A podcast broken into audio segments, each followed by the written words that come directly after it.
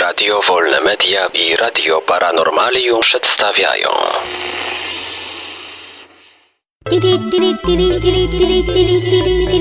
Dziwne informacje. Programie o aligatorze, który odgryzł rękę nastolatkowi, o bocianie, który zbudował gniazdo na ziemi, o pojeniu krów winem, rudym kocie rządzącym od 15 lat miasteczkiem i karze dla mężczyzny, który jeździł na wielorybie. Panie, panowie i obojnaki, zaczynamy dziwne informacje. Uwaga, będziemy gryźć. Aligator odgryzł rękę nastolatkowi. Trzymetrowy aligator napadł na siedemnastolatka, który kąpał się w rzece Kalusahachi.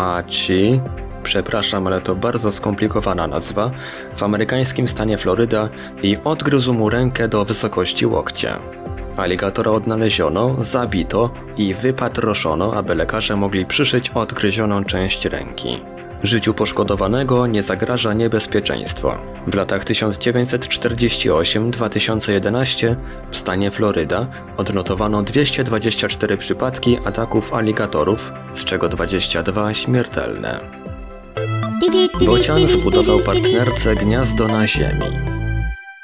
Zakochany bocian, zamiast na wysokim słupie, zbudował gniazdo na ziemi, aby jego partnerka, która po ciężkim wypadku utraciła zdolność latania, nie musiała się męczyć. Para bocianów poznała się w lecznicy dla zwierząt doktora Andrzeja Fedaczyńskiego w Przemyślu.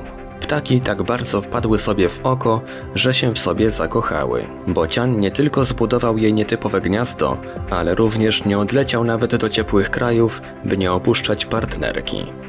Bociania miłość jest silna. Gdy wiążą się ze sobą, to na całe życie. Jakie to romantyczne. We Francji będą poić krowy winem. Francuzi, w celu polepszenia jakości mięsa, postanowili poić krowy winem. Dzięki temu zwierzęta mają być szczęśliwsze, a ich mięso lepszej jakości. Inicjatorem pomysłu jest Jean-Charles Tastavi, przedstawiciel przemysłu winiarskiego w Langwedocji. Powołuje się na hiszpańskie i kanadyjskie badania naukowe, z których wynika, że zrelaksowane zwierzęta dają lepsze mięso. I chyba bardziej obfite w procenty mleko. Pierwsi na pomysł pojenia zwierząt alkoholem wpadli Japończycy, a później pomysł podchwycili Australijczycy. Już nigdy nie wypije francuskiego mleka. Kot od 15 lat rządzi miasteczkiem na Alasce. Rudy kot Stubbs rządzi w miasteczku Talkitna na Alasce od prawie 15 lat, kiedy wybrano go na burmistrza. Wtedy to mieszkańcy miasta uznali kandydatów na burmistrza za niegodnych tego stanowiska i wpisali na karcie do głosowania imię Stubbs dla żartu.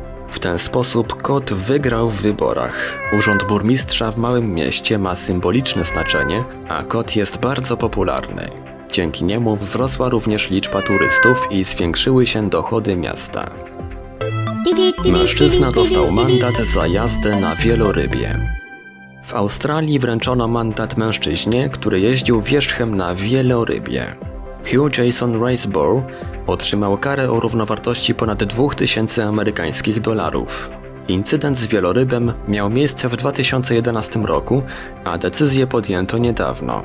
Sąd uznał go winnym wstąpienia we współdziałanie z chronionym przedstawicielem fauny bez odpowiedniej zgody władz. Media nie podają, w jaki sposób Riceborough dostał się do wieloryba i w jaki sposób go osiodłał.